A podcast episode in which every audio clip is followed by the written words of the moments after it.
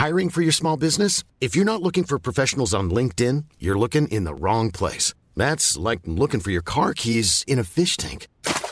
LinkedIn helps you hire professionals you can't find anywhere else, even those who aren't actively searching for a new job but might be open to the perfect role. In a given month, over 70% of LinkedIn users don't even visit other leading job sites. So start looking in the right place. With LinkedIn, you can hire professionals like a professional. Post your free job on linkedin.com slash people today. Hey, it's Danny Pellegrino from Everything Iconic. Ready to upgrade your style game without blowing your budget? Check out Quince. They've got all the good stuff, shirts and polos, activewear, and fine leather goods, all at 50 to 80% less than other high-end brands. And the best part? They're all about safe, ethical, and responsible manufacturing. Get that luxury vibe without the luxury price tag. Hit up quince.com slash upgrade for free shipping and 365-day returns on your next order. That's quince.com slash upgrade. Everyone knows therapy is great for solving problems, but getting therapy has its own problems too, like finding the right therapist, fitting into their schedule, and of course, the cost. Well, BetterHelp can solve those problems. It's totally online and built around your schedule. It's surprisingly affordable too. Connect with a credentialed therapist by phone, video, or online chat, all from the comfort of your home. Visit betterhelp.com to learn more and save 10% on your first month. That's BetterHelp, H E L P. Vi är denna vecka sponsrade av Indie Beauty. Och Sofie, det här tycker jag är extra fint och extra roligt. Ja men Indie Beauty är ju ett skönhetsvarumärke som jag tror att väldigt många känner till, men det jag älskar mest det är att Indie Beauty liksom vill vara mer än bara produkter, vilket de ju också är. Exakt. Indie Beauty står ju för Independent Beauty, skönhet på dina villkor och för din egen skull. Och Indie Beauty tror ju stenhårt på ett alternativt skönhetsideal fritt från måsten, skam och känslor av otillräcklighet. Där är jag helt med Indie Beauty. Jag med. Det är så jag vill att skönhet ska vara. Ja men verkligen. Och vet du vad som är nytt för i år Sofie? Berätta. Från och med i år så skänker Indie Beauty 1% av sin försäljning till Suicide Zero, Tjejzonen och Djurens Rätt. Så när man handlar produkter från Indie Beauty så kan man liksom känna att man också ger tillbaka till samhället. Ja, kraften i tillsammans. Ska jag säga en sak nu då, som jag, det, men det är detta jag är extra glad över. Nu har Indie Beauty tagit fram en keps och den tycker jag ändå så på sommaren, skydda sig från solen. Jättebra, jag älskar kepsen. Men det bästa, de bidrar till Suicide Zeros viktiga arbete för att minska antalet självmord och självmordsförsök. Så för varje såld keps så går hela vinsten, 100 kronor, direkt till Suicide Zero. Då kan man liksom göra nytta både för samhället och sin hud på en och samma gång. Ja, och kepsen kostar 169 men alltså hela vinsten går då som sagt till Suicide Zero. Mm. Så om man vill göra skillnad när man är där ute i solen, nu när den börjar titta fram, då ska man välja den här kepsen. Den säljs exklusivt på indiebeauty.se och på Apotea. Tillsammans kan vi skapa en ljusare framtid. Vi ses med kepsarna på! Tack Indie Beauty. Vi är sponsrade av Mindler och som ni säkert vet sedan tidigare så är vi ju ute på psykologresan tillsammans. Men hur vet man egentligen när det är dags att söka hjälp? Ibland uppstår saker i livet som kommer utmana oss och kännas tufft. Det mesta självläker vi oss igenom, för vi är menade att ta oss igenom en viss mängd påfrestningar. Men ibland behöver man professionell hjälp för att ta sig ur jobbiga perioder i livet. Men vart går då gränsen? Vad är en del av livets skavighet och när är det läge att söka hjälp? Det sägs till exempel att stress är farligt, men att också kan vara bra. Alla sover dåligt ibland, så när har man egentligen sömnproblem? Ångesten kommer väl krypande för de flesta någon gång. Så när ska man se ångesten som outhärdlig? Hur vet jag? Med oss som psykolog har vi såklart min gamla psykolog Linnea Seidbrant. Men Linnea, vad är egentligen utmattningssyndrom? Utmattningssyndrom är en konsekvens av svår och långvarig stress utan möjlighet till återhämtning. Mm. Vi är ju då skapta för att klara av stress, men vi behöver också återhämtning. Om du utsätts för för mycket stress under en lång period utan att du får till den nödvändiga återhämtningen så kommer kroppen till slut att säga ifrån. Och det är faktiskt så att alla har en gräns. Du kan drabbas av en rad fysiska eller psykiska besvär som trötthet, sömnproblem, hjärtklappning, besvär från magen och tarmarna och mycket annat. Och det här är ju då varningssignaler och tecken på att du kan behöva göra någonting åt din situation. Annars så kan besvären utvecklas till att du mår så dåligt på sikt att du blir psykiskt och fysiskt utmattad. Ladda ner Mindler till din telefon och läs mer på mindler.se.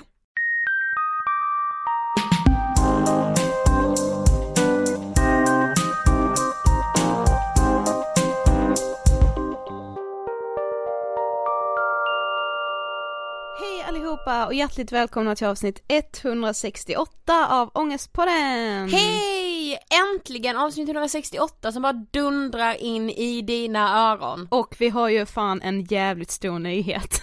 Ja men jag vet och jag var så taggad Sofie på att vi liksom ska berätta om det. Ja, vi brukar ju avsluta varenda avsnitt med att säga vi hörs som vanligt nästa torsdag, men denna veckan är det lite annorlunda för vi hörs redan på måndag! Ja! För i sex veckor framåt kommer vi släppa två avsnitt i veckan. Vi har jobbat med en helt ny serie till Ångestpodden som heter Återbesöket. Yes, och återbesöket är sex avsnitt där vi har eh, kallat tillbaka på sex tidigare gäster och pratar om hur livet har sett ut sen senast de gästade, om de har lärt sig hantera sin ångest, det kanske har blivit värre för vissa än vad det var sist de gästade och så vidare och så vidare. Ja vi har kallat dem på återbesök helt enkelt. Ska vi Ja. avslöja vem den första personen att få komma på återbesök är?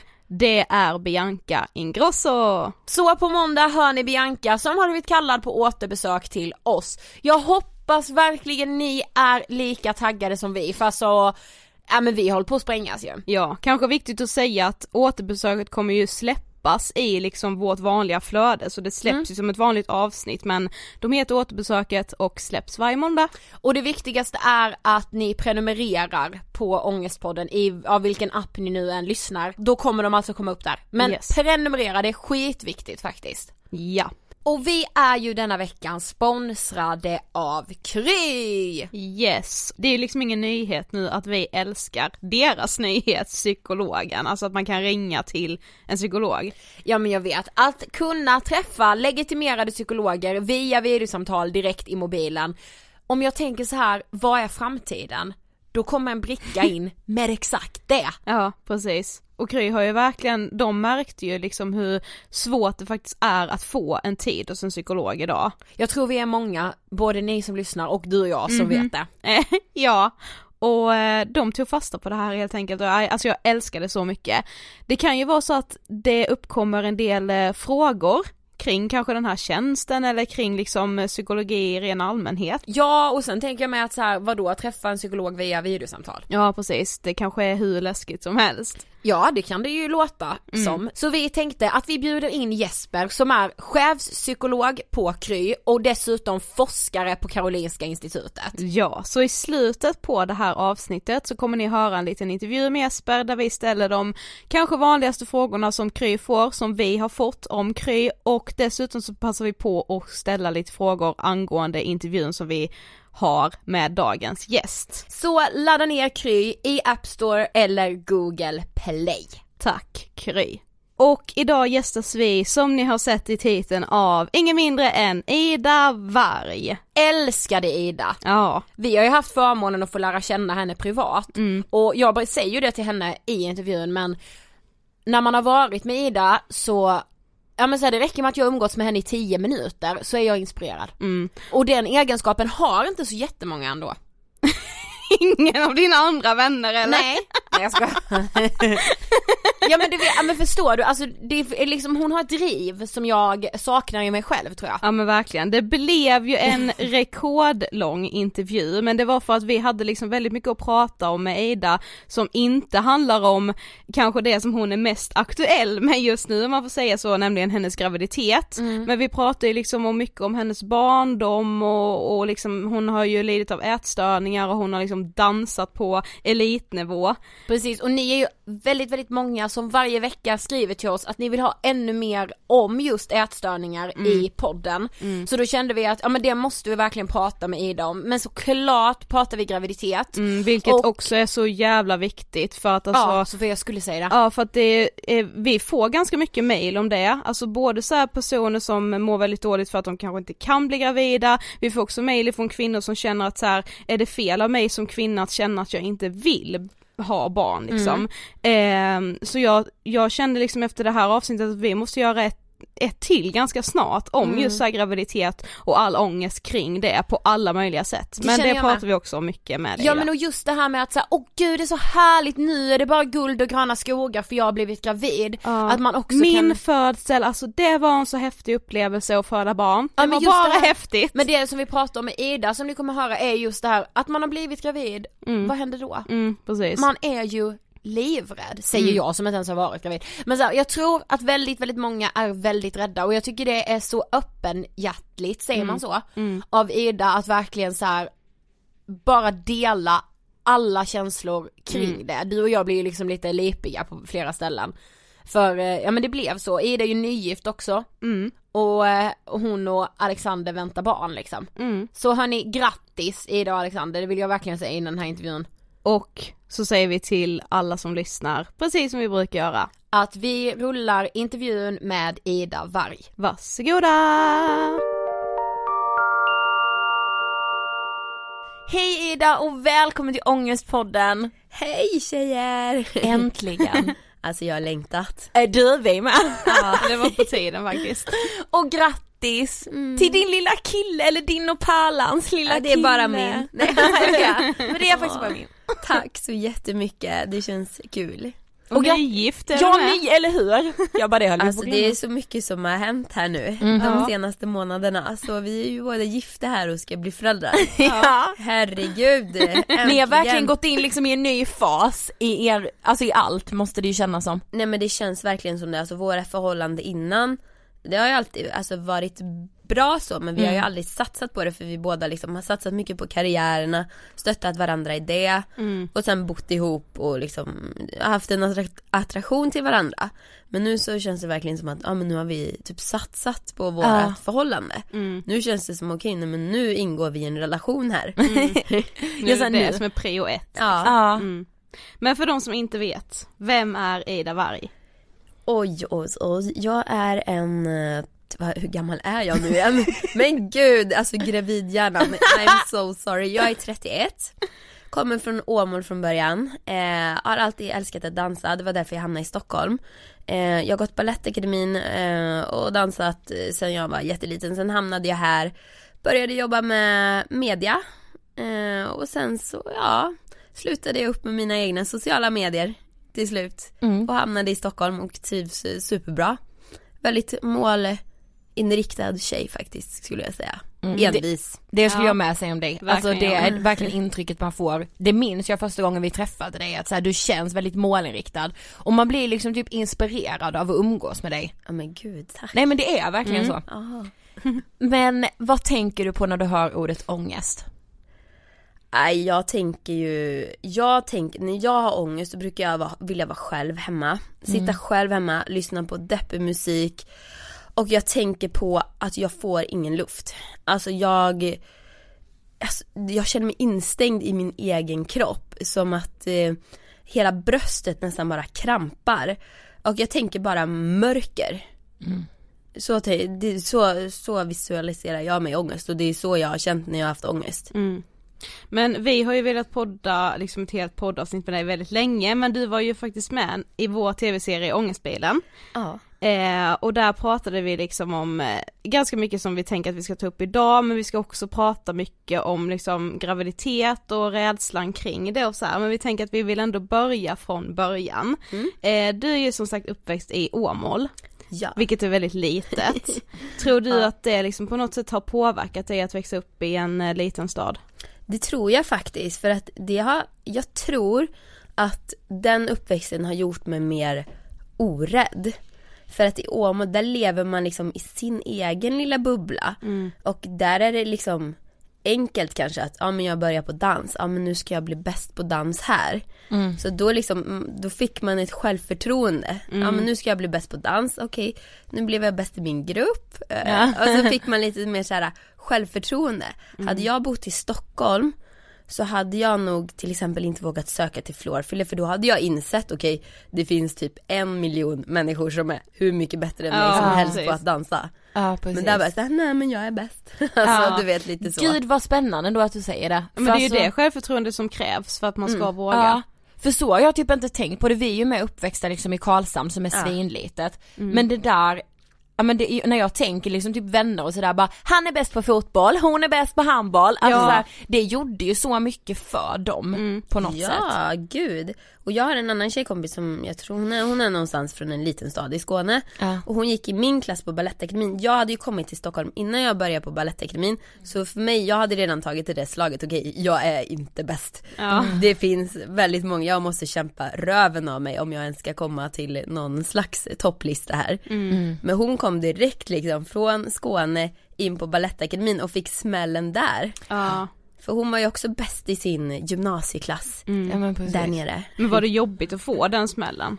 Ja, ja, ja gud, alltså då hade jag en liten livskris kan jag säga när jag kom ut, för jag var med i en dokusåpa då som heter Floorfiller. Där var man ju inlåst, också i en liten bubbla, med, Ja. fast med väldigt talangfulla människor då, där, det var ju en danstävling. Typ som Idol då, fast med dans. Ja vilken kanal gick det på? På TV3. Ja för jag minns Var det inte ju typ detta. lite som Big Brother fast med liksom danstema? Jo. Ja. Det var 70 alltså sjukt avsnitt alltså. Ja. Va? Det var så här måndag till torsdag var det liksom, då fick man följa oss inne Ja, i huset som en precis. dokusåpa när vi tränade, käkade frukost Jag där. minns detta. Ja. Och sen så på söndagar så var det liksom veckofinal, typ som idolfinalen då fast vi Ja. dansade. Men alltså vi läste det, eller så berättade du för oss om det i ångestbilen, att du började dansa när du var sju år. Mm. Det är ganska sjukt, alltså det är så tidigt. Ja. Eller börjar man, alltså så här, Nej alltså vet du, du kan sätta in barnen på dans nummer tre. ja det är så. Men jag började ju, alltså det var ju ingen seriös dans jag Nej. dansade. För, alltså jag började ju typ med seriös dans när jag var 21. Ja okej. Eh, eller vadå, jag tävlade på elitnivå innan. Eh, Ja, men precis, det var, det var ju liksom diskodans, det var inte Mm. den här äh, balletten och modern, alltså det var inte, ja Nej, Nej. Det, var, det var på kul, alltså det var för att jag älskade det, jag tyckte det var så jävla roligt att hoppa omkring och Mm. göra disco. Men så innan det liksom när du, ja men du dansade på liksom elitnivå, var det typ under högstadiet? Det var, gud när kom jag med? Ja, alltså jag tävlade ju verkligen på allvar. För jag är så allt eller inget, jag är Ja. en tävlingsmänniska. Börjar jag tävla, nej men då är det tävling och det är fokus att vinna. Mm. Jag har liksom inget mittemellan. För då tycker jag att det är onödigt att hålla på. Ja. Så att, eh, ja. Det kan vara är både bra och absolut- dåligt Ja. Ja, exakt. Det är exakt. Det är både bra och dåligt. Ja. Ja. Så ja, på högstadiet tävlade jag på allvar ja. Ja. Men liksom hur var det, för jag tänker högstadiet är ju en väldigt känslig tid. Mm. Hur, alltså hur var du liksom som person då? Jag var jätteosäker på högstadiet. Mm. För att jag var väldigt efter utvecklingen. Jag var väldigt liten. Eh, dock så, ja alltså vissa mobbade väl mig och sa lilla Ida och eh, plankan och för jag hade inga bröst och jag hade alltså inte Ida det minns jag ångestbilen när du sa det, var så skönt när du sa det. Ja. Alltså för jag blev men med kallad alltså- plankan och man bara men Ja, men alltså, jag kände mig så himla efter.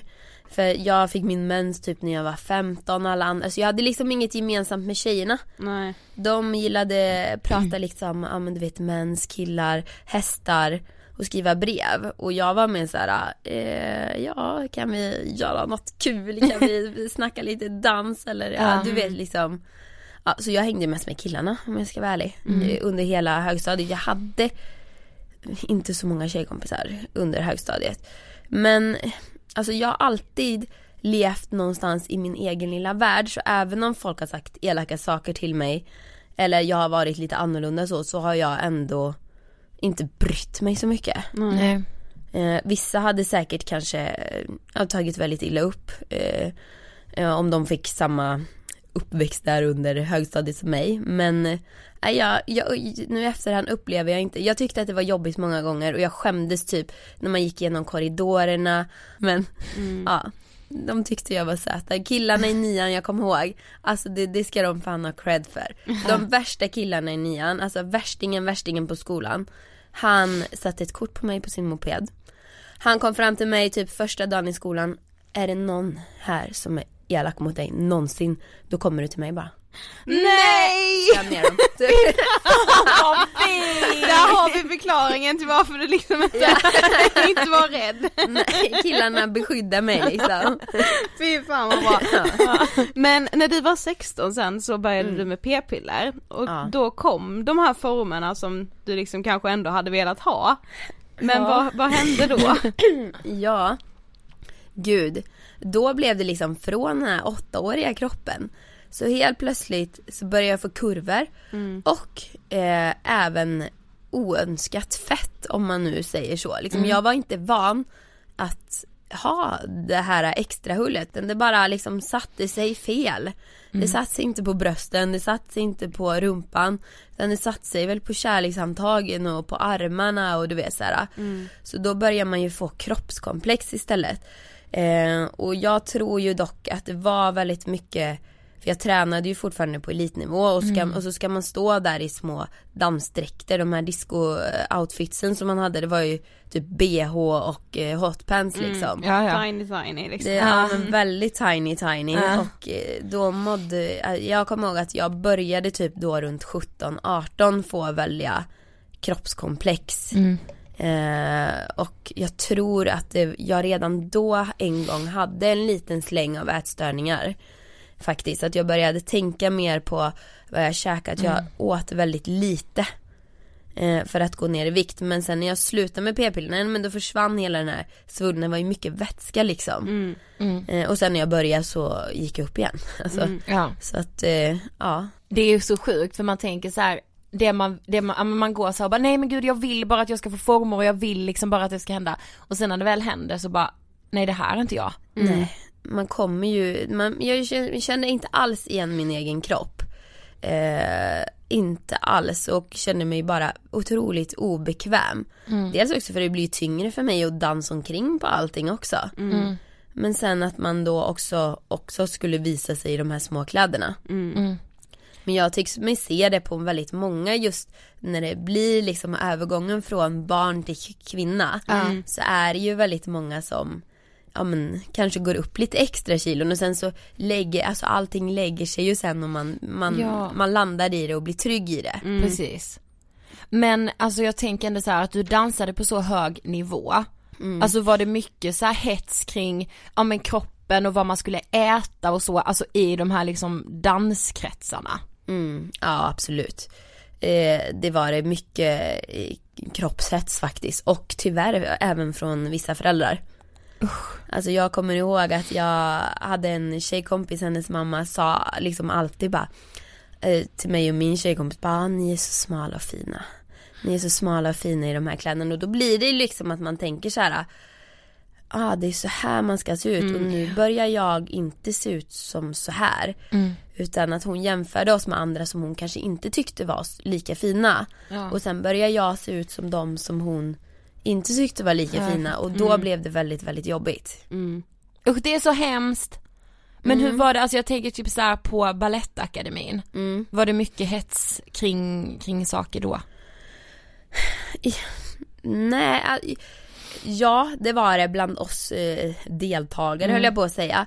In, jag kan inte säga att, eh, inte från lärarna, eller hetsen från lärarna det är mer liksom inte så här du ska vara smal Nej. eller du ska vara snygg. Utan det är mer så här du ska ha snygga linjer. För att det finns ett ideal inom dansen. Eh, och inom modern dans så är det inte att vara pinsmal. Utan att man ska vara lite köttigare och down to earth. Och jag är absolut inte jag ser absolut inte ut som det idealet. Jag är typ nästan tvärtom. Jag har för långa ben, de är för rangliga, jag har fel fötter, jag har för kort överkropp, alltså du vet. Så jag passade ju inte in i den mallen heller. Där. Eh, och då blir det att man hela tiden strävar efter det idealet, man ska ha 180 grader i höften till exempel. Har man inte det då är man inte idealet i dansvärlden. Så då ligger man och pressar två timmar efter åtta timmars träning ut i en split liksom. Man, jag bad mina kompisar att bara ta tag i varsitt ben och bara dra ut här.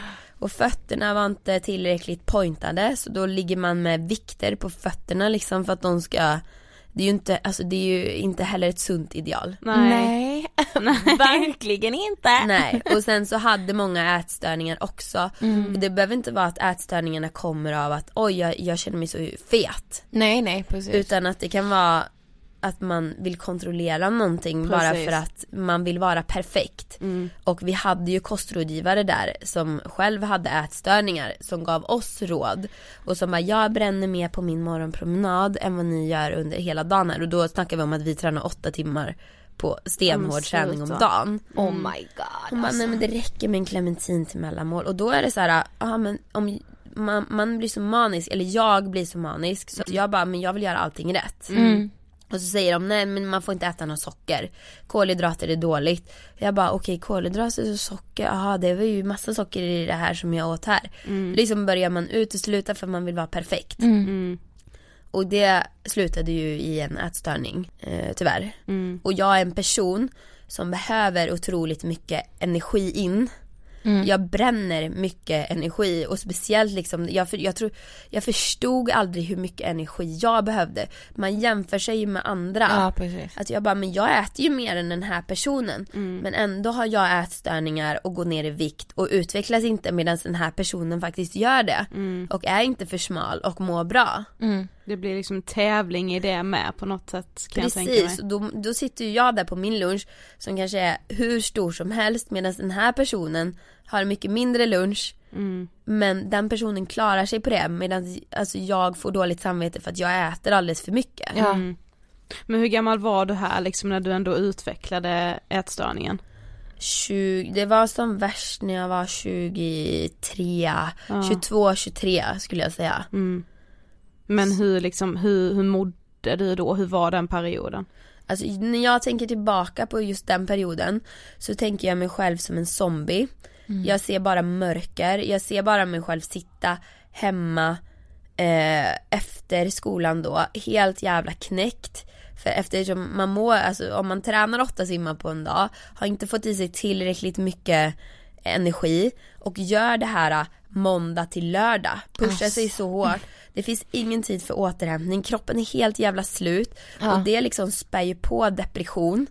Och det spär på ätstörning. För då jag har ingen ork ens att ens tänka på att, eh, ja vad, vad ska jag äta, vad ska Nej, jag, alltså det blev bara som ett mörker. Jag kommer ihåg jag satte på deppig musik och bara satt och grät liksom efter skolan många gånger. Och sen så ganska mycket fest var det också under den perioden kan jag säga. För att det var då jag mådde bra. Ja. precis. Att det blev som en flykt. Ja, absolut. Men alltså så här, märkte typ din familj eller dina vänner att du mådde dåligt? Jag tror inte min familj, alltså jag är typ världens bästa skådespelare. Jag eh, kan dölja det mesta liksom. Eh, om jag mår jättedåligt så ah, nej men jag mår jättebra. Det är ingen fara med mig. Sköt dig själv. Eller liksom, Ja men du exakt. vet sån där attityd har jag. Så min familj märkte ingenting och de bor ju heller inte här. Nej, så precis. Jag träffade ju inte dem så himla ofta heller. Men eh, efter typ ett och ett halvt år så började folk märka i skolan. Mm. Eh, och det var ju oftast de som själva hade ätstörningar som märkte. Mm.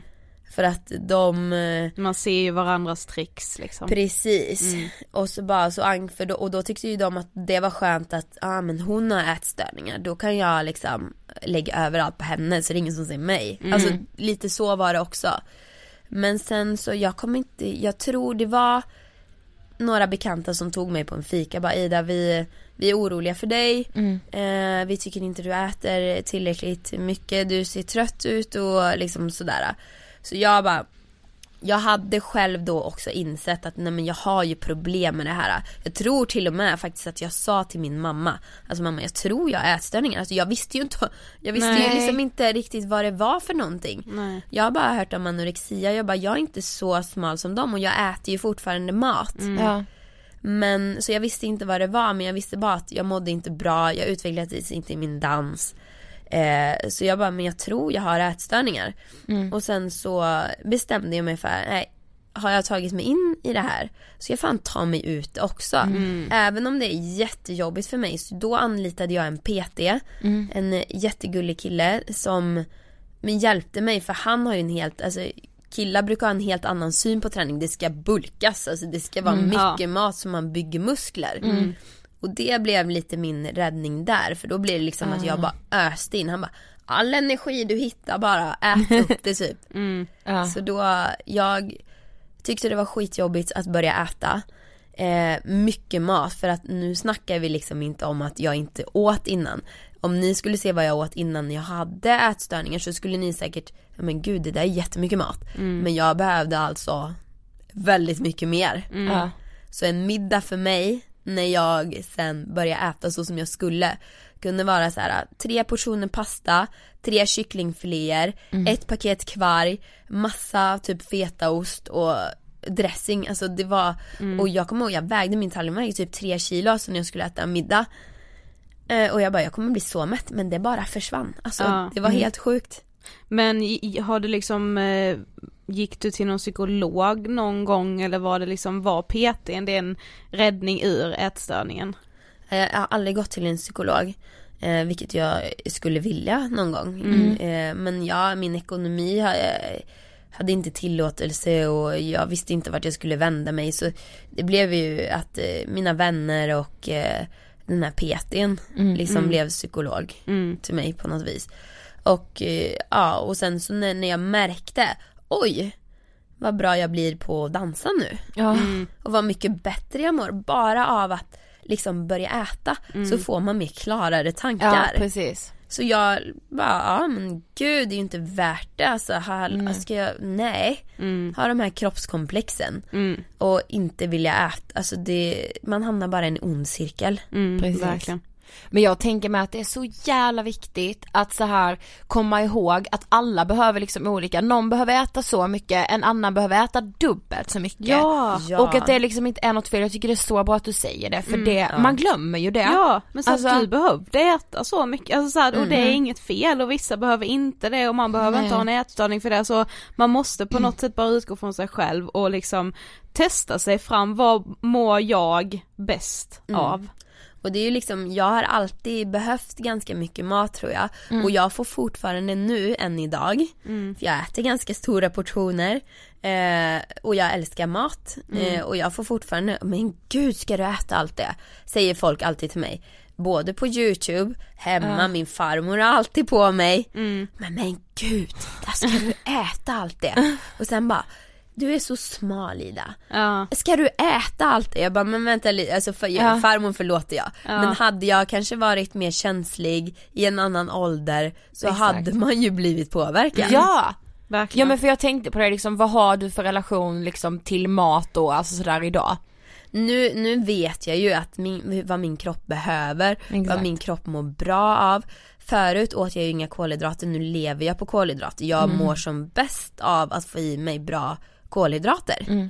Eh, och jag äter exakt det jag vill göra, när jag vill. Alltså, så att jag, jag känner, jag har aldrig känt mig så avslappnad ting- kring kost. Och det blev jag när jag började äta mer växtbaserad kost. Ja. Då liksom var det som att all ångest kring mat släppte. Eh, och det var en mer alltså, psykisk inställning också till mat. För att jag har aldrig gillat att äta kött. Nej. Utan att det har alltid varit så här, alla PTS, alla runt omkring, du måste äta kött. Och jag bara, för att, för att växa och få muskler och jag har aldrig gillat det. Så jag har alltid liksom kollat på den här köttbiten och bara Alltså det är en jävla död muskel som ligger där. Och den ska jag äta och liksom, alltså det har aldrig känts bra. Så när jag, när det blev så här, nej men du kan äta pastan som ligger där bara. Och du får i dig tillräckligt med energi och, och grejer. Så jag säger men gud, jag älskar att äta den där pastan. Jag älskar absolut inte att äta den där kycklingfilén. Nej. För det var mer bara, okej jag måste trycka i mig den. Mm, det för gör att jag för att jag mig. måste, inte för Ja, att det är gott. Liksom. Precis. Mm. Så sen, sen dess har jag bara, men gud vad livet är nice. Ja. jag får så mycket energi, alltså Ja. alla eftermiddagsdippar är borta. All ångest kring mat, helt borta. Träningen, ja det är kul att träna igen liksom. Kroppen svarar, jag får inte några skador längre. Nej. Så att för min kropp funkade det absolut bäst. Och då har jag alltså uteslutit de här kolhydraterna som för mig egentligen då var livsviktiga. Ja, I alla, un- under alla mina elitträningsår. precis. Och det förstår jag ju nu efterhand, oj, det, det var ju det som absolut inte var bra.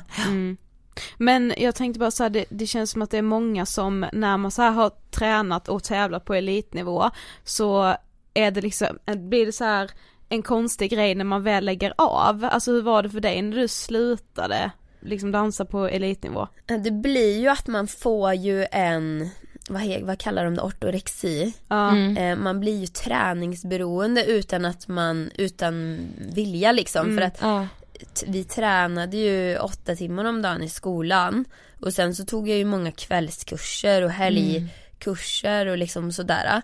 Eh, för att jag tyckte att det var så kul. Jag tränade ju inte dans från början. För att liksom förbränna. Nej. Eller du vet så, många går till gymmet, ja men nu ska jag stärka upp och jag ska förbränna. Och Ja. jag måste göra det här. Utan dansen var ju att det var glädje, det var passion och det var så jävla roligt och man Ja. ville utvecklas i någonting. Mm. Ehm, men det var ju fortfarande träning. Så när jag slutade på Balettakademin och skulle börja jobba, då hade jag ju inte tid att träna åtta timmar om dagen. Nej. Eh, det var ju knappt så jag hann träna två gånger om dagen. Mm. Och jag bara, herregud, två danslektioner, det är ju så lite. I min värld bara oh my god. Och då snackar vi alltså tre timmar om dagen. Ja. Eh, så när folk bara, alltså du tränar så mycket, jag bara, men va? Alltså jag tränar ju bara tre timmar om dagen. och sen smällen när jag fick ett kontorsjobb för att Ja. då tränade jag tre timmar om dagen, sen åkte jag och undervisa och det var ju ändå fysiskt liksom. Jag stod upp, jag gjorde uppvärmningen, alltså så att det blev ju att jag kanske tränade då fyra, fem timmar om Ja, dagen. Eh, och sen började jag jobba på kontor och då var det så här, okej jag sitter still Mm. hela jävla dagen på röven. Så ska jag försöka få till träning och då var det så här, ja men en gång om dagen måste jag ju få till liksom. Så jag gick ju på luncher och, och folk bara du är ju helt sjuk i huvudet. Alltså du, för då hade man ju hamnat bland vanliga människor Ja, som vi precis. dansare förut kallade det liksom. Ja. Som eh, tycker att två, tre gånger i veckan är mycket att träna. Mm. Och så går jag iväg till gymmet en gång om dagen och de bara du är ju helt galen. Och då, jag bara men alltså jag tränar ju bara en gång om dagen. Du, ni hör ju hur det låter. Ja, ja, det låter ju helt sjukt. Ja, Ja, ja precis men i min värld var det så, men alltså jag jämförde ju med åtta timmar om dagen. Ja. Så i min hjärna var och min kropp liksom var ju inställd på åtta timmar om dagen, hade gjort det i typ så här fyra år. I sträck. Så att, eh, ja, det, det var ju alltså. liksom en nedtrappning. Ja. Så till slut blev det att Ja men jag märkte ju att jag fortfarande hade ett ofrivilligt träningsberoende. Och jag kände liksom till slut att nej men alltså jag hinner inte, ska jag hinna med mitt nya heltidsjobb där allting är nytt. Jag hinner inte träna en timme om dagen. Nej. För sen måste man se fräsch ut för jag ska gå på möten. Då måste jag ju duscha och fixa mig och du vet så. Så då blev det så här, jag måste försöka få ner den här träningsmängden och inte få ångest av det. Precis. Men var det svårt? Ja, jättesvårt. Så jag fick ju nästan så här belöna mig själv åt andra hållet. Folk belönar sig själva när de När- går och tränar. Exakt. Jag var så här. jag måste vila idag. Du sätter dig och vilar, lägg dig i soffan nu, du får inte gå iväg. Då belönar man sig, typ, då får du gå och ta en massage eller liksom Ja. Ja, precis. mer sådär. Så att, eh, Shit alltså. men nu känner jag mig helt fri från det där. Ja. Så skönt. Ja. Okej vi tänkte vi ska gå vidare nu. ja. Alltså, du är gravid Ida. Men alltså vi känner ju både dig och Alexander och när vi fick veta det, alltså jag och Sofie, vi bara grät och bara oh my god! vi blev jätteglada. Men ja, vilken vecka är du i nu? 24. 24. Mer än hälften, alltså barnet eh, är beräknat om 16 veckor, alltså förstår ni? Ja. I'm Sandra, and I'm just the professional your small business was looking for. But you didn't hire me because you didn't use LinkedIn jobs. LinkedIn has professionals you can't find anywhere else, including those who aren't actively looking for a new job but might be open to the perfect role, like me. In a given month, over 70% of LinkedIn users don't visit other leading job sites. So if you're not looking on LinkedIn, you'll miss out on great candidates like Sandra. Start hiring professionals like a professional. Post your free job on linkedin.com/people today. Even when we're on a budget, we still deserve nice things. Quince is a place to scoop up stunning high-end goods for 50 to 80% less than similar brands. They have buttery soft cashmere sweaters starting at $50, luxurious Italian leather bags, and so much more. Plus, Quince only works with factories that use safe, ethical, and responsible manufacturing. Get the high-end goods you'll love without the high price tag with Quince. Go to quince.com slash style for free shipping and 365-day returns. Burrow's furniture is built for the way you live.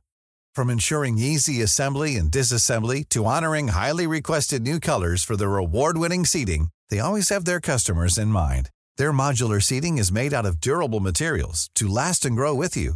And with Burrow, you always get fast, free shipping. Get up to 60% off during Burrow's Memorial Day sale at burrow.com slash ACAST. That's burrow.com slash ACAST.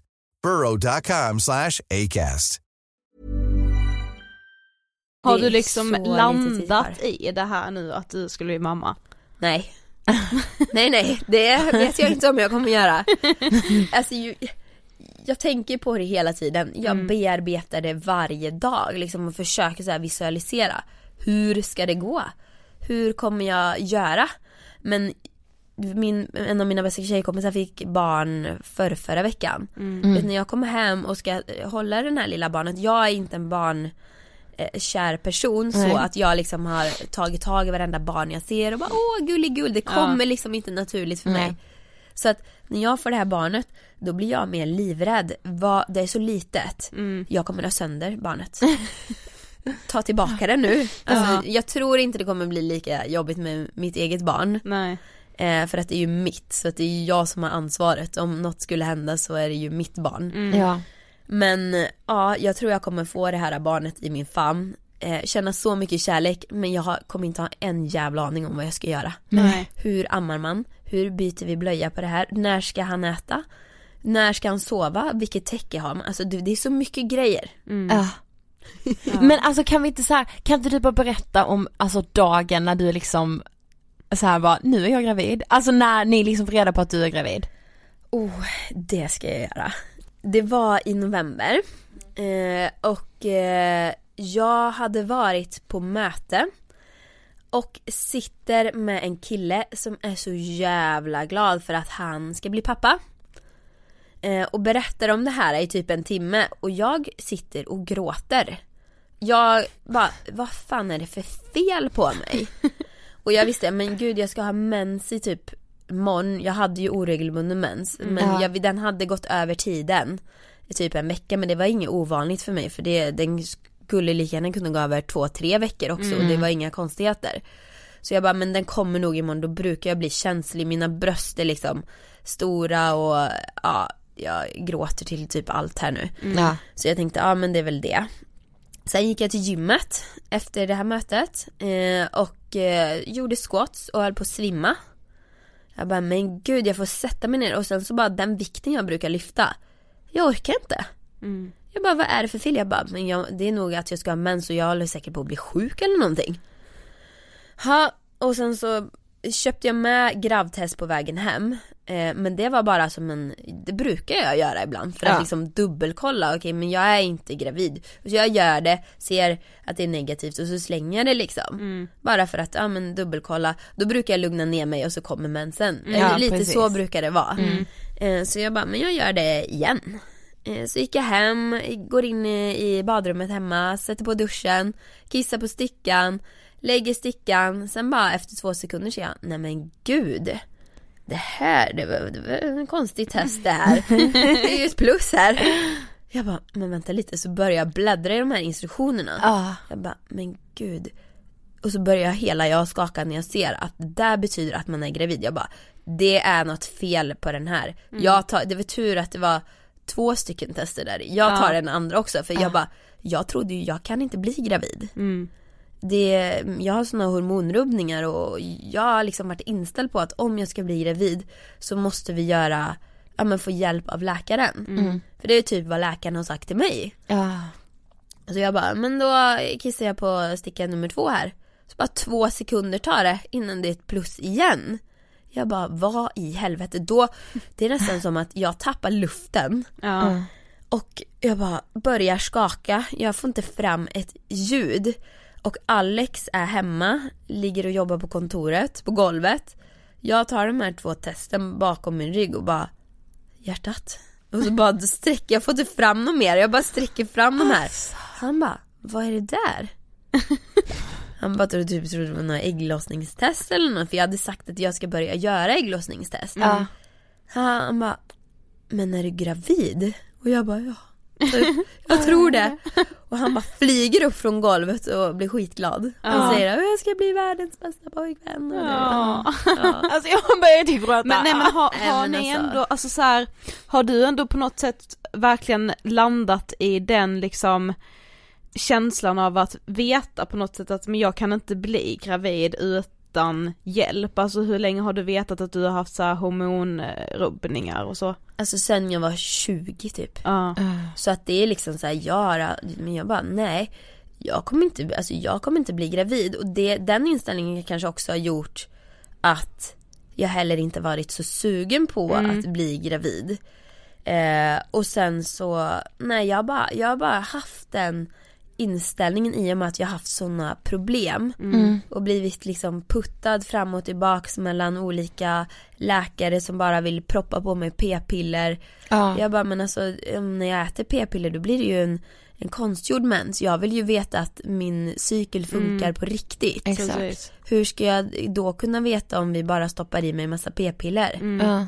Ja men just det här med att liksom ha inställningen att man kanske inte vet om man ens vill ha barn, för jag vet antingen är det det vi har pratat om det med eller så är det Pärlan, för Ja. någon av er har ändå sagt så att, ja men jag vet liksom inte ifall jag ens vill ha barn och att det på något sätt är lite skamligt, främst kanske för tjejer, att så Ja. säga att men jag vill typ inte bli mamma, eller jag Mm. vet inte ifall jag vill det. Nej. Tror du liksom att du har landat lite i den känslan just för att du har haft de här hormonrubbningarna och liksom varit rädd för att, ja men jag kanske inte ens kan bli mamma så då är det lättare att säga att man inte vill. Mm. Alltså förstår du vad jag menar? Absolut. Jag tror inte att jag tänkt det inombords men jag tror absolut att det har påverkat mig. För i och med hormonrubbningarna jag har haft så kanske man heller inte får de här mammakänslorna.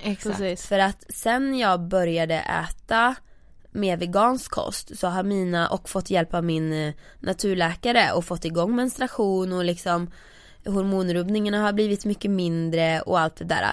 Så har jag ju känt en mer större kärlek till barn. Ja. Och liksom känt att ja, men det hade väl kanske varit häftigt att bli mamma. Sen så tror jag också att som jag sa innan, jag är väldigt målfokuserad och jag har väl känt att jag är inte där i livet eh, som jag vill vara. Jag, jag kommer alltså inte skaffa barn förrän jag är där. Och nu under hösten så kände jag på något vis att nu är jag där. Ja.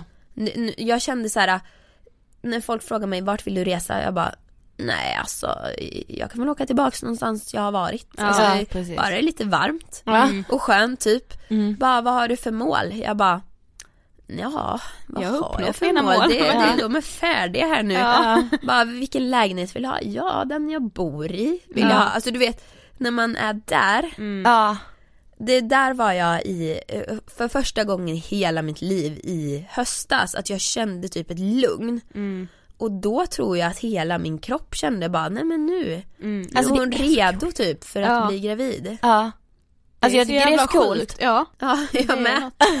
jag tycker också, för innan har jag typ använt som preventivmedel för att jag to- tror ju på tankens kraft. Mm.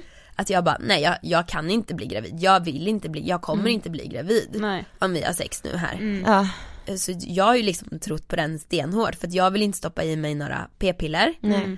Eh, och jag bara, nej men jag köper den här, den här har funkat. Så, och i och med att jag har haft oskyddat sex väldigt länge Mm. eh, och jag har ju kört med, ja men eh, eh, såna här um, termometrar Ja. och mätt liksom. Ja. Fast ändå haft sex när jag inte ska ha sex. Ja. Enligt den där. Ja, och inte precis. blivit gravid ändå. Mm. Så jag bara, nej men jag kan ju inte bli, alltså. Och sen så bara, ja Mm. Ja. hände det liksom på, vi, vi träffade den här ägglossningen första gången. Ja. Och jag trodde ju inte ens att jag hade ägglossning för det är ju inte, man kan ju ha mens fast inte ägglossning. Mm. Mm, exakt. Så jag bara, nej men det, det kommer ju liksom inte ske. Alltså gjorde Ja. det? Alltså jag dör. Men alltså i samband med att ni liksom gick ut med att ni var gravida så släppte du ju en jättefin video som man bara, alltså det var verkligen jag bara, jag är i bitar, jag kan inte se mer nu. Det var verkligen så, här, så mycket tårar och känslor liksom. Eh, men i den, alltså så sa ju du så här att du har varit livrädd. Mm. Alltså kan inte du berätta lite om så här den rädslan? Vet ni vad, jag var inte alls beredd på de här känslorna som skulle komma. Eh, när man blir, alltså jag blev så glad när vi fick reda på, wow jag är gravid och det var liksom glädje över att jag kan bli gravid. Ja. Eh, och gud jag är gravid, jag ska bli mamma liksom du vet, man blir så jävla glad och vill bara fira. Sen bara, gud vilken vecka är jag i? Eh, hur går det till nu? Ska jag till sjuk, ska jag till läkaren? Så börjar man ju googla upp. Och så får man reda på liksom att missfallsrisken är typ 30-40% eller vad det nu var. Och i och med mina mina hormonrubbningar så vet jag att jag har legat lågt på progesteron och progesteron gör att fostret stannar kvar.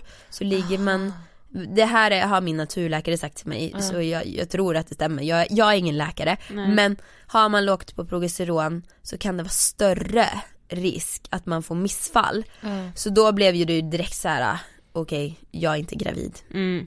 Jag kommer inte fira en sekund förrän vi är över vecka 13. Helt över vecka 13 och gärna en vecka till för att vara säker. Mm.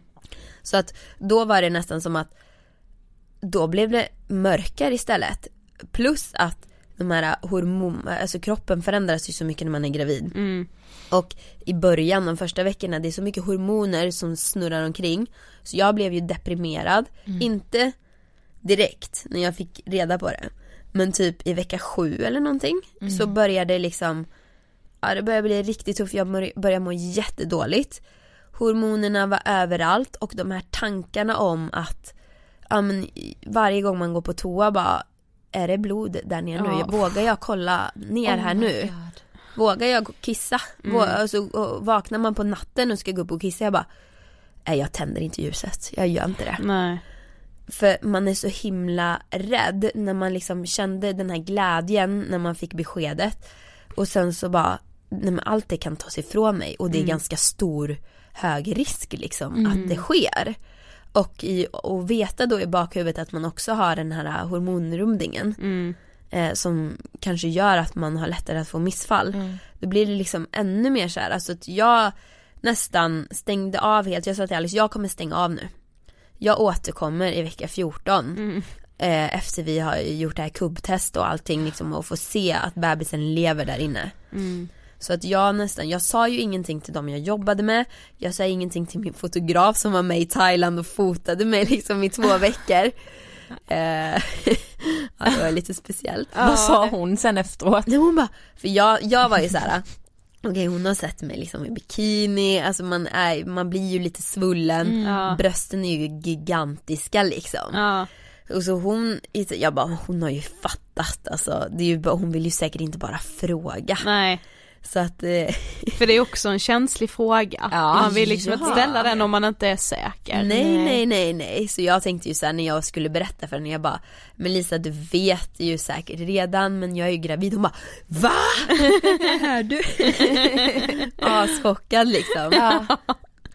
Men alltså gud, alltså jag kan typ, alltså det är klart jag inte kan känna rädslan för jag har inte varit gravid själv men så här den paniken att så här, varje gång jag ska gå på toa, alltså tänk så är det blod liksom. Men är det många som så här har hört av sig till dig när du har varit öppen med att du har känt den här rädslan? För det känns inte som någonting man pratar om. Det är ju alltid så här extrem lycka runt graviditet och sen såklart så förstår man att det är eh, väldigt stor risk att få liksom missfall och att det händer kvinnor, eller ja alltså par som är gravida eh, hela tiden och att det kanske inte är någonting man pratar om för det håller man för sig själv för att det är liksom skämmigt och sådär. Men är det liksom många som har kunnat känna igen sig i just den rädslan som du beskriver? Nej men alltså du förstår inte hur mycket mail och hur mycket kommentarer jag har fått om det här. Du vet folk som bara åh stort grattis jag själv har fått tre missfall nu i vecka 7, 8 och 12. Eh, och vi försöker nu igen här. Alltså det det är helt sinnessjukt hur många det är som har hört av sig och när man väl blir gravid och börjar googla runt på massa forum och grejer så är det så här. Ja shit alltså, oh my god. Ja det är jätte jättemånga som, och även det här just med hormonrubbningen att man de kanske inte ens har lyckats bli gravida utan har försökt i flera år men lever i tystnad för att det är så tabu att liksom ta upp och prata om det. Ja, Jag alltså, trodde ju innan att jag var ensam typ i hela världen om att ha de här hormonrubbningarna eh, och inte liksom att mensen var oregelbunden, att jag inte kunde få barn. Jag bara, men det är väl en på tusen eller en på en miljon som har det här som jag har. Men nej nej nej, alltså det rullar in så mycket mail och så mycket frågor om just vilka tillskott har du tagit, vad är din naturläkare, kan han hjälpa mig också? För ja, det är helt galet. Men fattar ni vad sjukt det är att man typ inte pratar om det typ i skolan? Ja, alltså där får man lära sig såhär, menscykeln, varje, samma datum varje månad. Ja Man men bara, precis, det är det som är det rätta nej. liksom.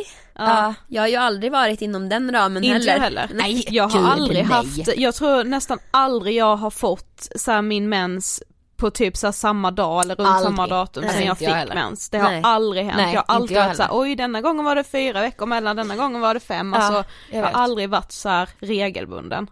Nej, och det är, det är så vanligt. Jag Ja. vet inte någon tjejkompis Nej, egentligen när man väl börjar fråga så här, bara, Ja. nej men den var borta förra månaden. Ja. Och, Ja jag vet, alltså. eh, alltså jag hade ju utebliven mens i flera år. Mm.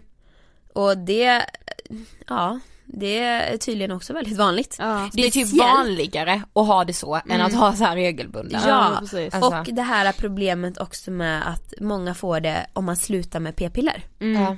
Då kan, för att mi- min naturläkare tror att, ja men min kropp blir liksom förvirrad. Jag har börjat och slutat med Ja, massa men p-piller för att Ja. jag måste testa nya sorter för att ingen funkar. Nej precis. Så min kropp har ju blivit helt förvirrad Mm. i hormonerna liksom. Och sen när jag slutar då dröjer det typ tre år innan mensen ens kommer tillbaks. Ja Precis. exakt.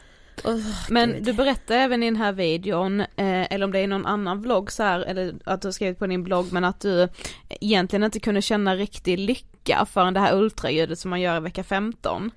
Eh. Men, men när ni väl skulle liksom gå ut och berätta om graviditeten, blev det också så här, hur, hur var det? Alltså, då, vi gjorde ju ett ultraljud eh, kubbtest då Ja. för första gången i vecka 13. Mm. Mm, ja, vecka 12 plus, ja vecka 13. Eh, och då fick jag ju se lilla Mini där ligga och sprätta. Jag bara, alltså jag skakade, jag, jag hade inte ätit på hela dagen för att jag mådde så illa. Av både nervositet och gravid illamående Ja. liksom. Så när jag la mig där och det var liksom så här 18 på kvällen också så skulle Oj, hon ja. Hon tar den på mig och jag, då trodde jag, nej men det är ingenting här inne. Jag har inte hört någonting eller känt någonting Mm. eller liksom så här. äh, lilla människan här inne kommer liksom vara död. Eh, det kommer vara svart på skärmen. Så la hon den så var det helt svart på skärmen och jag bara, det var det jag visste. Sen bara, åh titta där är armarna, där är benen och ligger och sprattlar där inne. Och jag bara, oh my god. Ja, Och sen så säger hon också så här. Ah, var det länge sedan du åt? Jag bara, ja, sex timmar. Hon bara, jag ser det. Eh, den är lite slö här inne. Jag bara, oj shit vad är det här på? Alltså, ja, Ja. då bara gick det upp för mig, shit det är vi. Alltså, ja, den här lilla personen är jag typ. ja. Ja. Du bara, nu ska jag äta. Ja, det, det blev så här, jag bara okej jag har inte tid längre nu. Jag måste gå och äta middag, det var typ så. Så jag, jag gick ju direkt till restaurangen bredvid liksom. Ah, Men alltså gud. kändes det då såhär bara okej men nu är det här verkligt? Nej, Nej. för då blev det så här. det var i 12 plus 5. Mm. Eh, Det betyder alltså vecka 12 plus Fem. typ Fem 5 dagar Ja. eller vad det nu var. Och gränsen typ, alla säger olika med gränsen men min tjejkompis säger men det är när man har gått förbi hela vecka 12 och in i vecka 13. Mm. Eller om det var att man skulle gå förbi hela vecka 13, det var någonting sånt där. Mm. Så jag bara, nej det där ultraljudet gjorde vi innan gränsen, även om det bara var några dagar. Så därför gjorde jag ett extra ultraljud i vecka 15. Det var någon, det är ingenting man gör utan det är Nähä, någonting ja. vi bokade för att jag mådde så dåligt. Mm. Jag, man, alltså, när man inte känner någonting, för att då hade ju också symptomen gått över. Jag menar brösten gjorde inte ont längre, jag mådde inte dåligt längre, jag hade jättemycket energi helt plötsligt. Jag bara nej, nu eh, finns inte den här längre, nu måste jag gå och göra ultraljud igen. Så gjorde jag det och så såg vi liksom, ja men där ligger han och mår jättebra där inne. Och sen gjorde jag något fel igen, alltså då var det så här rutinultraljudet, det som man ska göra, det gör man typ i vecka 19-20. Mm. Så jag bara längtade efter det här för att jag använde någon produkt som eh, inte tydligen var bra som jag läste i efterhand och då tänkte jag nej Ja, nu jag nu, det. ah, Ja. nu förstör det, alltså du vet den här oron och det är så olikt mig. Mm. Ja.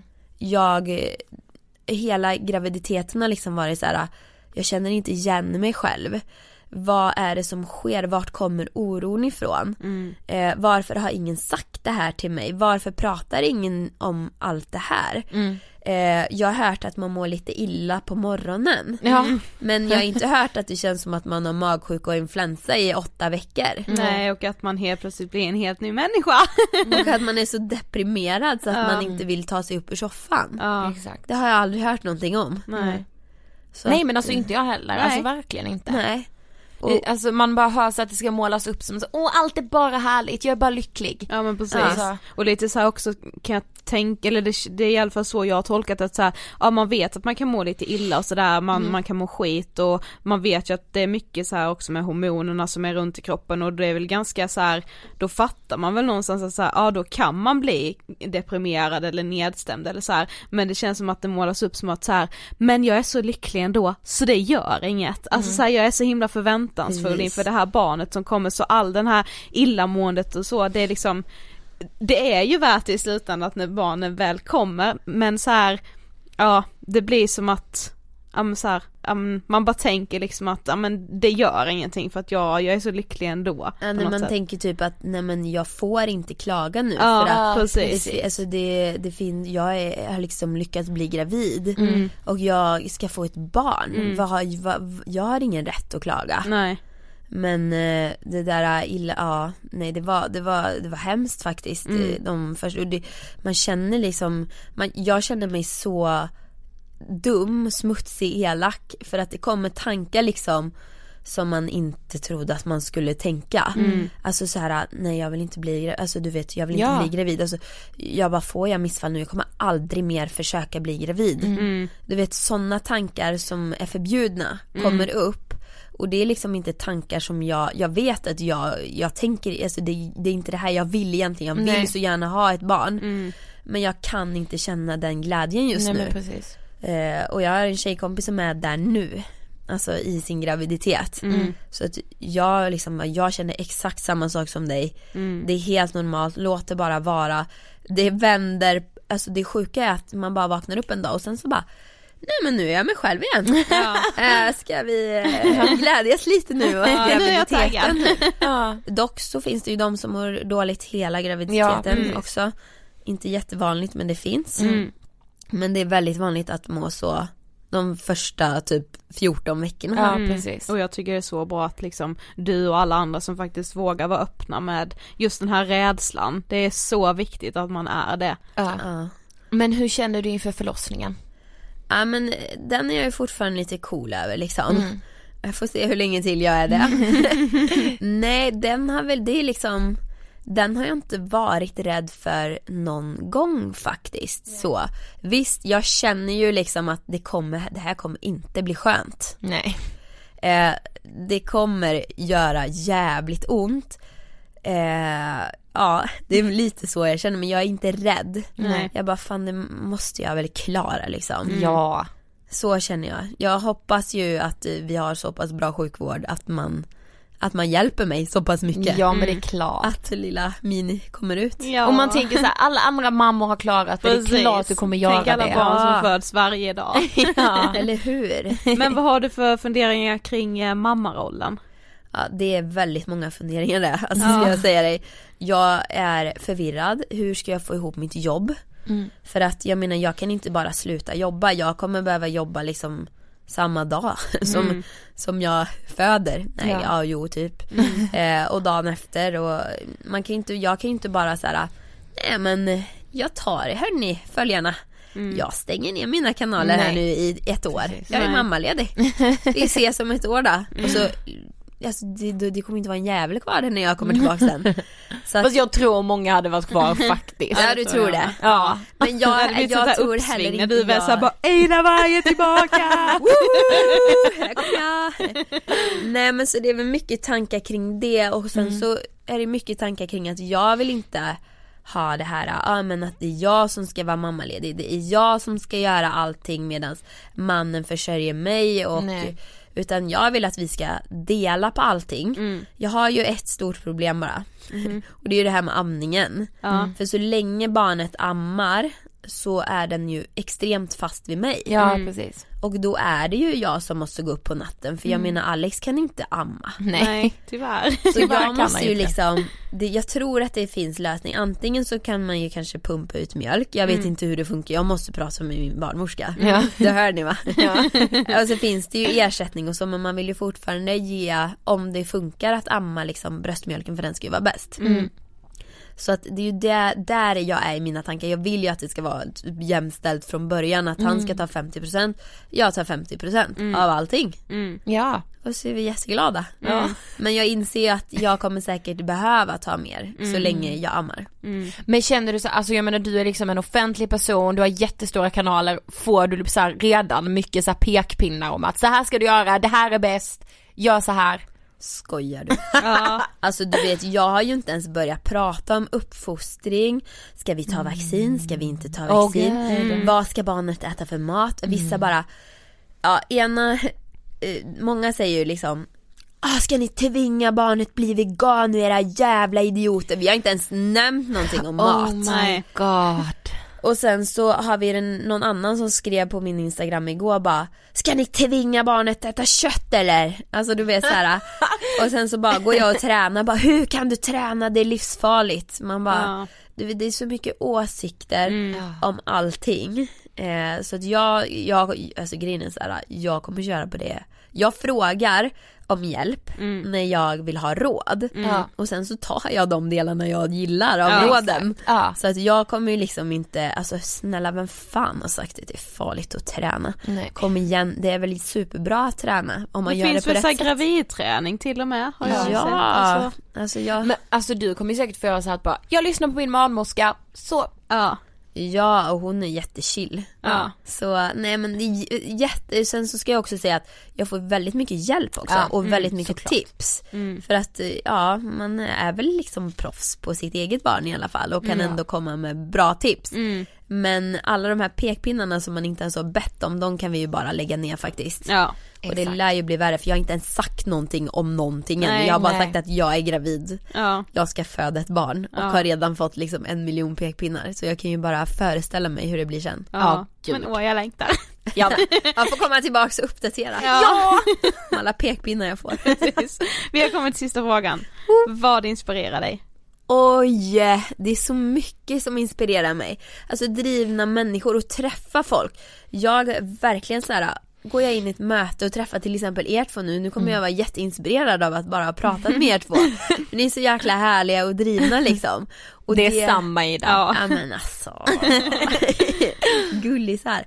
Och då, då blir liksom hela min dag, då har jag inspiration hela dagen. Så att, att träffa och få möjligheten att umgås och nätverka med folk som är drivna och har en passion för någonting. Det inspirerar mig så mycket. Tack så jättemycket för att du ville gästa Ångestpodden. Åh, och lycka till med allt här. Ja, du måste komma tillbaka. Ja, det, jag lovar.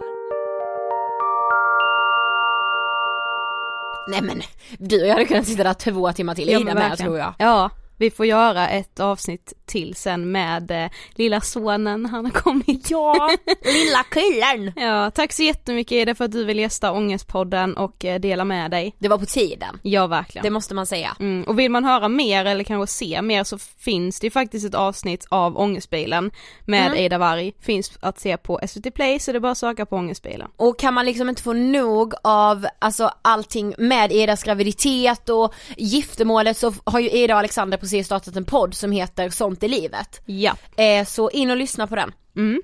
Nu är ju vi själva inga utbildade psykologer, så vi, och vi, men vi älskar ju liksom att sitta och lyssna på allting. Men eftersom vi pratade väldigt mycket om graviditet och sådär så tog vi ju faktiskt också tillfället i akt att prata om det här när vi träffade Jesper ifrån Kry. Precis, vi var ju faktiskt tvungna att kasta in en fråga. Ja. Ja, eh, Så jag tycker Sofie att vi avslutar det här avsnittet med att lyssna på Jesper och oss från när vi träffades. Och så hörs vi alltså då redan på måndag. Det är inte klokt. Helt fantastiskt. Tack Kry för att ni har sponsrat avsnittet och tack underbara lyssnare för att ni lyssnar. Ja. Herregud, vi hörs på måndag! Hej då! Hej då! Hej Jesper och välkommen till Ångestpodden. Hej, hej, tack. Eh, berätta lite, vem är du? Eh, jag heter Jesper Nander, jag är psykolog eller chefpsykolog på Kry och leder också den här satsningen som vi gör nu på att ha videosamtal med en psykolog i mobilen. Vilket vi ju älskar. Ja, men, men det är ingen ja, hemlighet. Men det gör vi verkligen, vi älskar ju detta. Men alltså varför har Kry valt att satsa på det? Eh, ja, så det är ganska svårt att få träffa en psykolog idag. Och eh, det kan vara ganska jobbigt att så här, om man börjar må dåligt, man vet inte var man ska vända sig.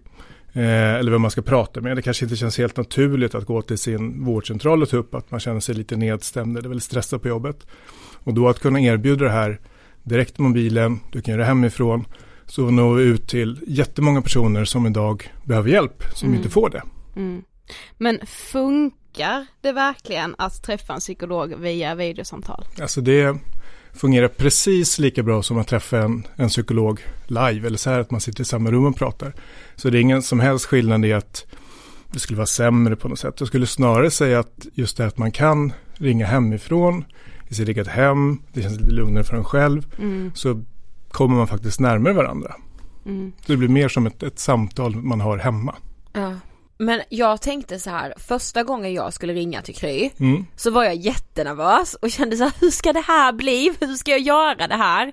Men vad tänker du om någon som lyssnar nu känner så här, nej men jag är alldeles för nervös eller jag klarar inte att ringa det där samtalet. Ja.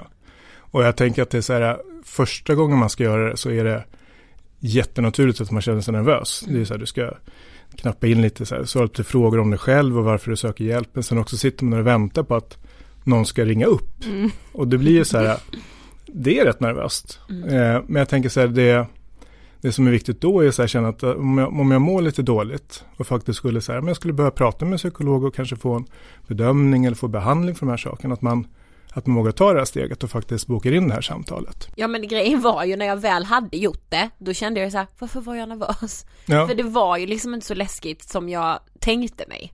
Nej, men det, och det det många patienter säger i utvärderingen är också just det att det var, det känns liksom lite konstigt innan, jag var jättenervös, men, men nu var det, när jag gjort det, var ju helt superbra och jättenaturligt. Mm, det var exakt. liksom, kändes jättebra för mig. Mm.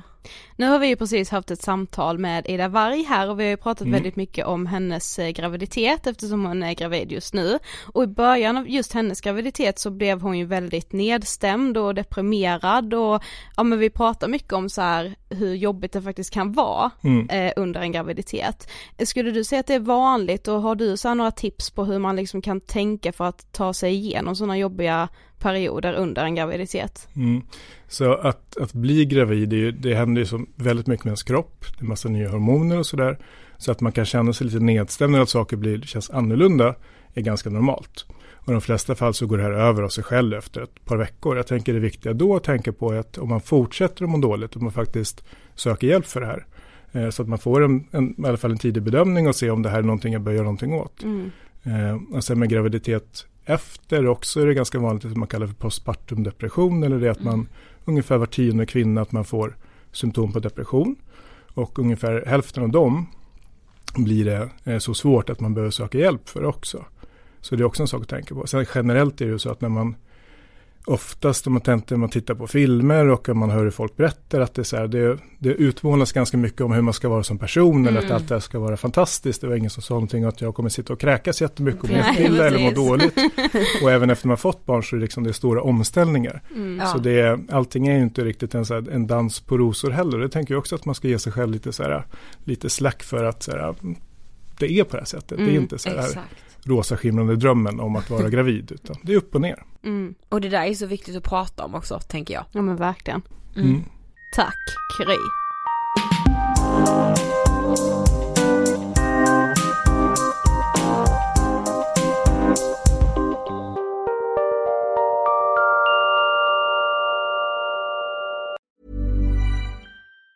Planning for your next trip? Elevate your travel style with Quince. Quince has all the jet setting essentials you'll want for your next getaway, like European linen, premium luggage options, buttery soft Italian leather bags, and so much more. And it's all priced at 50 to 80% less than similar brands. Plus, Quince only works with factories that use safe and ethical manufacturing practices. Pack your bags with high-quality essentials you'll be wearing for vacations to come with Quince. Go to quince.com slash trip for free shipping and 365-day returns. Planning for your next trip? Elevate your travel style with Quince. Quince has all the jet-setting essentials you'll want for your next getaway, like European linen, premium luggage options, buttery soft Italian leather bags, and so much more. And is all priced at 50 to 80% less than similar brands. Plus, Quince only works with factories that use safe and ethical manufacturing practices.